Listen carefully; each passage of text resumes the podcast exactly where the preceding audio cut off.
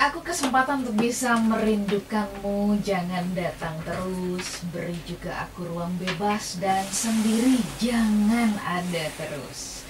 Selamat pagi Smart Listener dan juga sahabat yang bergabung. Pagi-pagi Anda sudah diajakin untuk uh, menyendiri gitu ya.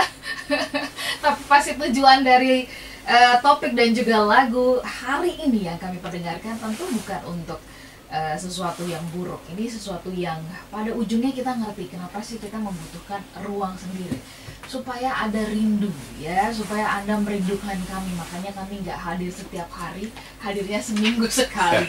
Selamat pagi untuk anda semuanya. Selamat Lija bersama dengan Pak Arfan sudah hadir bersama dengan kita juga dalam program Smart Happiness. Selamat pagi. Selamat Pak pagi. Mbak Ola. Apa kabar hari ini? Black. Apa artinya black gitu? Oke, nah begitu kemarin Pak Arfan mengatakan, wah kita akan membahas mengenai eh, ruang sendiri, wah saya Iya. langsung membayangkan gitu ya, kan nggak banyak juga orang yang yang suka menyepi begitu ya. Betul. Eh, satu ruang sendiri itu tuh em, kalau menurut saya ya Pak Iya. Arfan ya, itu em, adalah ruang ruang yang berat kalau menurut saya. Berat ya? Kenapa? Ha-ha. Kenapa? Karena itu kita bisa mendengarkan diri sendiri menjudge kita Iya. gitu ya, menguliti kita sendiri gitu ya. Betul, betul. Ya. Eh, membukakan apa yang sudah kita lakukan dan sebagainya begitu. Iya. Tapi juga sekaligus adalah ruang untuk meyakinkan. Gitu sih. Betul, betul. Iya. Pan. Kurang lebih seperti itu, Mbak. Kurang lebih seperti Iya. itu ya. Tapi ini saya apa kita mendengarkan lagu tulus dia senang-senang aja ini dia menyendiri gitu ya. Iya, Justru iya. Eh, katanya supaya ada rindu gitu. Betul, Nah, betul. Monggo dari lagunya di bagian mana yang Bapak ingin memberikan penekanan? Iya, jadi dia bilang begini karena ini ketemu terus ya, siang ketemu, pagi ketemu, sore ketemu. Akhirnya dia bilang hingga aku lupa rasanya sepi, tak lagi sepi bisa kuhargai. Hmm. Nah, pada sepi itu kan penting tuh. Penting, betul. Ya. Nah, kenapa sepi itu penting? Ya, dia mengatakan begini, eh, baik buruk perubahanku tak akan kau sadari. Hmm. Ya, kita berevolusi. Nah, ini evolusi kan pelan-pelan kan. Jadi Hmm. memang sering kali tidak disadari. Bila kita ingin tahu seberapa besar rasa yang kita punya, kita Mhm. butuh ruang. Betul. Nah, itu. Kita tetap butuh ruang sendiri-sendiri untuk tetap menghargai rasanya sepi. Hmm, hmm, hmm. Itu, Ola. Oke. Jadi sekali-sekali kita butuh nggak ketemu gitu ya. Iya. dalam hubungan be- begitu Begitu juga kan juga, dalam betul. dalam hubungan ketemu terus akhirnya yang ada Bosan. berantem karena Iya, bosan iya. udah nggak ada lagi yang mau diomongin akhirnya ngomongin yang nggak penting kan Benar. gitu Akhirnya berantem. Berantem, Iya, udah. iya. Jadi sekali-sekali pergi nggak apa-apa lah. Iya, gitu iya, ya. tapi itu pergi yang pasti kembali ya Pergi yang pasti kembali Iya, ya. iya. Oke. Baik. eh, smart listener, Anda sendiri punya nggak sih, eh, kita ini eh, mau eh, coba lakukan survei kecil-kecilan ya. Anda sendiri eh, punya nggak eh, momen atau waktu untuk Anda sendiri ya?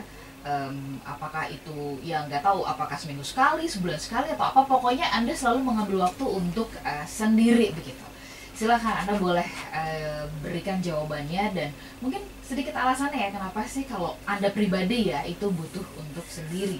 Ke 0812 11 12 959 Eh, ketik SH Smart Happiness kemudian spasi nama, spasi usia, spasi lokasi dan spasi dari jawaban Anda. Pak Arfan eh, kalau dari lagunya Tulus kan dia Iya. mengatakan kita tuh eh, butuh ruang sendiri supaya kita tahu seberapa besar rasa yang kita punya. betul Nah, sebenarnya em, apa gitu loh dasarnya manusia itu sebenarnya butuh ruang sendiri. Kan kita diciptakannya kan adalah untuk bersosialisasi, betul ya, betul makhluk sosial gitu loh. betul ya Eh, berkoloni gitu loh. Iya, betul betul jangan salah ya kita datang ke dunia ini sendiri kan Sendiri ya. sendiri ya Oh iya ya sendiri ya. iya kita cuma bersosialisasi ketika kita ada di dunia ini gitu Hmm, ya tapi kita datang sendiri nanti kita akan pergi menghadap Tuhan Sendiri juga. sendiri juga gitu Ya. jadi nggak ada orang yang bisa kita ajak eh, berkolaborasi ketika itu gitu Mm-mm. nggak ada orang yang bisa kita ajak eh, kerjasama kompromi Mm-mm. ya saya datang sendiri saya juga akan pulang sendiri Mm-mm. Nah ketika kita menjalani hidup ini mestinya juga ada waktu untuk sendiri Mm-mm. karena kalau tidak kita akan kaget nanti Mm-mm. iya kan Betul. kita datang sendiri itu kan menunjukkan bahwa stakeholdernya Iya. Stakeholder terhadap diri kita itu ya kita sendiri kan stakeholdernya. Betul, betul. Gitu ya. Kalau di dalam perusahaan kan stakeholder atau shareholder tuh bisa beberapa ya. Hmm. Tiga empat orang gitu shareholdernya. Kalau ini shareholder terhadap diri kita tuh ya kita sendiri. Yang punya diri kita tuh kita sendiri dan nanti ketika kita selesai tugas kita di dunia ini, kita menghadap Tuhan juga sendiri. Iya, iya, iya. Kita mau punya pengawal berapa banyak pun itu nggak ada gunanya gitu. Ya karena itu menunjukkan sekali lagi bahwa kalau dibayangkan sebagai sebuah perusahaan bahwa ini diri kita ini kan adalah sebuah perusahaan gitu katakanlah yang Betul. menjalankan usaha kan begitu ya. Ya. Itu sendirian sebetulnya gitu. Iya. Jadi kita harus ingat bahwa di dalam waktu-waktu kita yang sibuk ini, kita juga harus bisa meluangkan waktu untuk sendirian. Sendiri. Oke. Meluangkan waktu sendirian itu apa sih maksudnya? Kayak di dalam perusahaan juga. Berapa kali kita melakukan meeting? Berapa kali Baula? Tiap hari. Tiap hari meeting terus, oke. Oke, meeting evaluasi katakanlah. Itu ber- Ah, berapa kali? Sebulan sekali? Sebulan sekali. Sebulan sekali. Iya, iya. Gitu. Itu perusahaan ya. Nah, kalau diri kita meeting evaluasi berapa berapa kali? kali gitu ya. Meeting evaluasi ya. Iya, iya, iya. Nah, Tahu-tahu kita lupa karena kita terlalu sibuk, akhirnya sudah sampai pada waktunya. Kita harus menghadap Tuhan, mempertanggungjawabkan apa yang sudah kita lakukan selama ini. Padahal kita tidak pernah punya waktu untuk melakukan evaluasi. Iya kan? Iya, iya. Oke. Yang namanya perusahaan kan setiap mu- mu- mungkin setiap minggu ya. Kalau kalau saya setiap minggu itu selalu selalu bikin evaluasi itu. Mhm. Apa yang kita lakukan di minggu lalu kan? Seperti itu. Apa yang akan kita lakukan di minggu depan? Seti- Setiap minggu ada evaluasi mingguan. Mhm. Setiap bulan ada evaluasi bulanan. Setiap tahun ada yang yang namanya eh, rapat tahunan gitu ya. Evaluasi sebulan sekali aja udah rasanya ini pada Udah banyak kan? iya, udah banyak banget gitu. Betul. Kayak kemarin misalkan contoh kami ada berapa poin lah misalkan Iya. dari sekian banyak gitu. Ini poin pentingnya nih yang Betul. kita perlu perbaikin bersama-sama begitu. Untuk perusahaan saja dievaluasi gitu. Setiap Betul. hari, setiap tahun, setiap bulan, setiap minggu. Masa hidup kita nggak pernah dievaluasi sampai selesai gitu. Nah itu Mbak Ola. Mhm, mhm. Jadi itulah yang namanya ruang sendiri gitu. Ruang di mana kita melihat diri kita, memikirkan diri kita, berkontemplasi mengenai diri kita. Siapa sih kita? Kita lagi mau ke mana sih sebenarnya? Udah nyampe mana sih sekarang ini? Mhm, mhm, mhm. Itu Mbak. Oke. Em, mengevaluasi terutama maaf ya mengevaluasi diri sendiri itu Iya. rasanya eh, menurut saya sih sulit ya. Kalau menurut Iya. Anda gimana? Nanti kita bahas lebih lanjut ya, semua listener dan juga sahabat yang bergabung. Kami menantikan jawaban Anda apakah Anda selalu memberikan kesempatan untuk bisa ngobrol dengan diri Anda sendiri dan eh, mengevaluasi apa yang sudah dilakukan. Kami jeda sesaat tetap bersama kami. Semua listener dan juga sahabat yang bergabung, terima kasih Anda masih bersama dengan kami. Kami sedang live YouTube channel Smart FM dan kami juga sedang live Instagram melalui akun uh, at, at Arfan Pradiansyah. at Arfan Pradiansyah Iya. ya. Jadi silakan Anda boleh pergunakan banyak sekali line kami. Streaming di www.radiosmartfm.com dan uh, pagi hari ini kami membahas mengenai ruang sendiri. Anda boleh jawab pertanyaan dari kami, survei kecil-kecilan ya. Anda sendiri ini suka uh, mengambil momen gak sih untuk sendiri ya? Uh, kalau sekarang lagi long weekend gitu, banyak yang mengatakan wah sayang nih kalau kita sendiri long weekend ini harus liburan bersama keluarga nih gitu ya. Ya monggo, apakah anda penganut yang ngapain sendiri gitu ya? Orang ada keluarga, ada pasangan ya Iya. udah sama mereka aja begitu. Kalau anda pribadi gimana? Apakah eh, kerap mengambil waktu untuk sendiri itu eh, bisa mungkin sebulan sekali, seminggu sekali gitu. Silahkan anda boleh jawab dan alasannya apa sih anda boleh kasih share sedikit ya.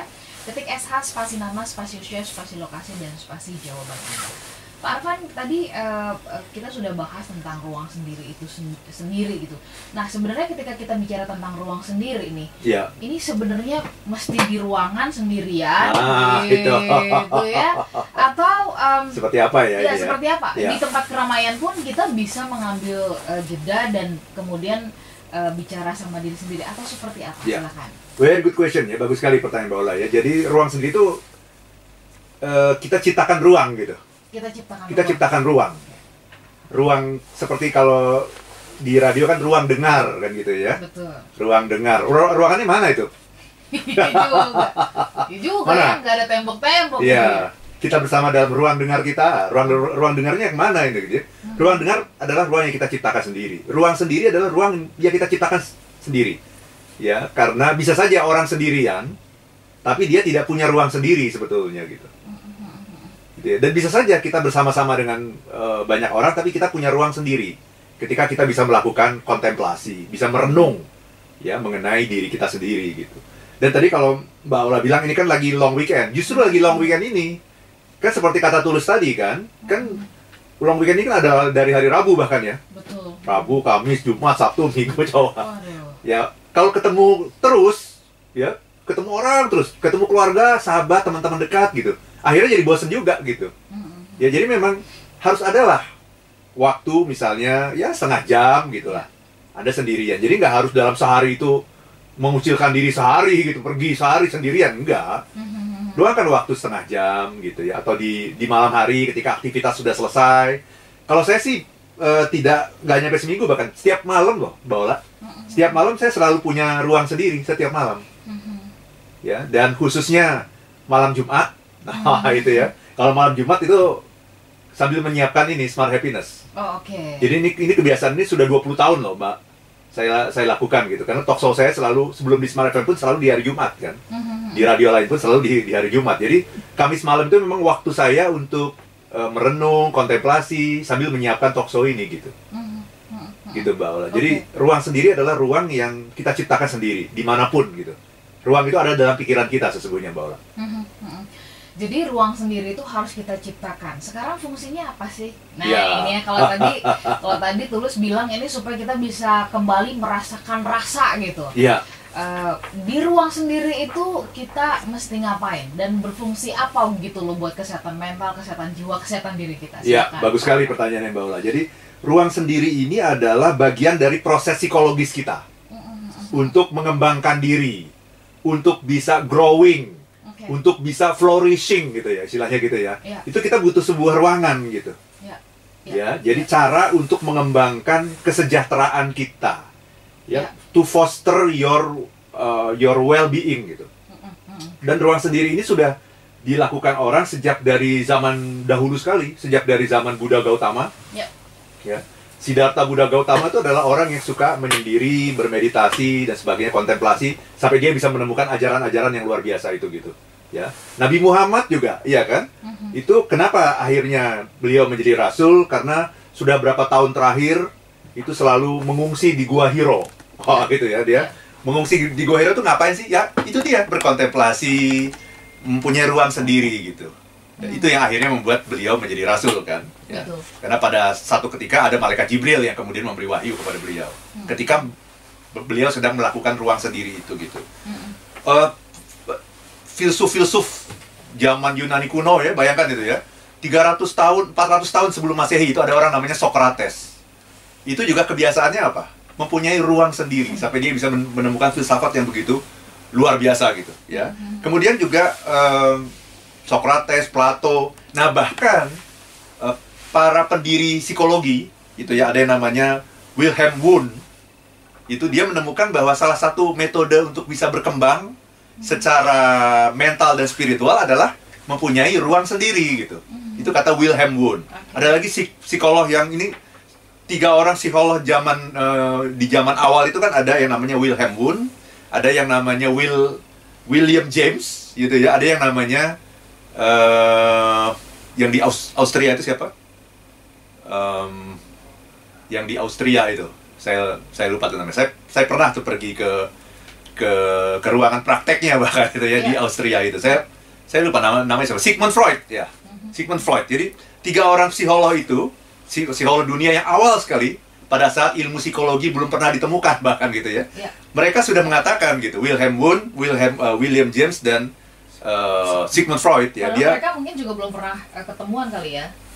uh, mereka saling belajar satu sama lain karena belajar. mereka hidup di masa yang kurang lebih sama gitu. Ya, tapi setidaknya kan artinya mereka tidak seperti kita yang di di Oh iya, sekarang enggak, ini enggak, iya. segala kemudahan teknologi Iya, iya. bertemu dan sebagainya. ya mereka mungkin hanya melalui surat gitu Betul, ya belum betul. belum ada zoom dan sebagainya pada saat itu gitu ya dan mereka mereka juga mengatakan bahwa cara untuk mengembangkan uh, well-being kita happiness kita atau kesejahteraan kita itu adalah dengan anda harus punya ruang sendiri Hmm. di mana kita melihat diri kita memikirkan diri kita jadi beda dengan berpikir yang biasa ya Ya, ya. setiap hari juga kita berpikir betul itu namanya problem solving Iya, iya. Kita memikirkan bagaimana cara keluar dari masalah kita. Bukan itu. Ya. Tapi kita memikirkan diri kita ini sudah ada di mana, mau ke mana. Hmm, Sudah sampai di mana sekarang perjalanan kita. Gitu. Ya, Itu ada bahwa. di titik mana gitu ya. Betul, ada di titik mana nih sekarang ini. Ya. Dan kita udah di jalan yang benar atau belum nih?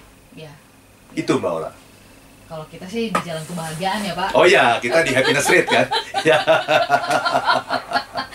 gitu. Pak. Arfan, Pak Arfan, eh, ba- banyak orang yang menghindari eh, sendiri gitu ya, ruang sendiri karena dianggap akan sepi dan kesepian. Iya. Nah, ini juga perlu dijawab ini gitu Iya. ya. Apakah eh, ruang sendiri itu berarti orang yang eh, penyendiri, orang yang eh, ya ya dan sen- dan sepi itu tuh selalu sesuatu yang yang nggak enak begitu Oh. Arfan?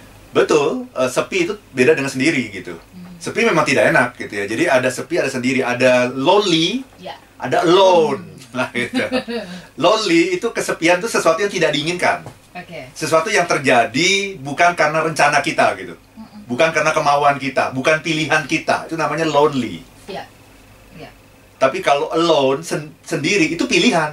Itu pilihan saya, itu sesuatu yang saya ambil secara sadar gitu. Dan kalau tadi Mbak Ola bilang itu sulit, ya sesuatu, sesuatu yang berharga itu pasti sulit. Ya. Kalau tidak sulit berarti kurang berharga. Kurang berharga. Biasa-biasa saja. Iya, sesuatu yang berharga itu pasti sulit, pasti sulit. Kalau nggak ada kesulitan tuh nggak berharga namanya gitu. Hmm. Sesuatu yang mudah itu ya, ya berarti tidak berharga gitu. Oke, jadi sesuatu yang diraih yang didapatkan dengan sulit dengan Itu pasti perjuangan. sesuatu yang berharga. Itu sesuatu yang berharga. Itu kan? Nah, jadi kalau sulit memang sulit, tapi tujuannya itu Anda mengembangkan diri diri Anda. Em, melakukan upaya yang yang namanya flourishing gitu. Jadi Anda betul-betul meng- mengecek saya udah sampai di mana gitu. Intinya begitu. Nah, ini satu kalimat yang bagus sekali dari Socrates dia bilang, "The unexamined life is not worth living." Oke. the unexamined life, hidup yang tidak pernah diperiksa, hidup yang tidak pernah diuji, hidup yang tidak pernah dipikirkan is not worth living. Itu hidup yang tidak berharga dia bilang gitu. Kenapa? Karena ketika kita tidak pernah memikirkan hidup ini, kita hanya jadi, robot malah. Tiap hari datang ke kantor mau ngapain? Ya kerja gitu. Iya, iya. Kerja buat apa? Cari cari uang. Cari uang buat apa? Supaya bisa hidup. Gitu-gitu aja udah Ya, gitu. jadi ordinary. Ordinary, gitu iya, ya. iya. Ordinary. Dan kita lupa, kita ini sebenarnya dikirim Tuhan ke dunia ini mau apa sebetulnya? Skenario-nya Tuhan tuh apa gitu? Iya. Kita udah nyampe di mana sekarang? Kita masih mau ke mana sekarang? Ini arah yang benar atau enggak? Jangan-jangan kita hidup dengan skenario orang. Hmm, hmm, Jangan-jangan loh, kita hidup dengan skenario orang, dengan program-program yang dibikin sama orang lain. Betul. Orang lain itu bisa saudara kita, orang tua kita, pasangan kita, atasan kita. Iya. Jangan-jangan itu kita harus lihat, eh, saya udah bener belum nih Iya. di jalan ini gitu. Oke. Smart listener kita sambung nanti ya Pak Arfan. Eh, Siap, kita ya. sambung Uh, sudah uh. mulai banyak yang eh, masuk jawaban dan juga pertanyaannya. Kita berevolusi smart listener dan ketika kita sendiri kita jadi tahu sebenarnya apa yang ada di dalam diri kita gitu ya dan apa menuju ke mana kita eh, perubahan yang ada di dalam diri kita itu menuju ke mana. Kita sambung nanti perbincangannya di sesi berikutnya tetaplah bersama dengan kami.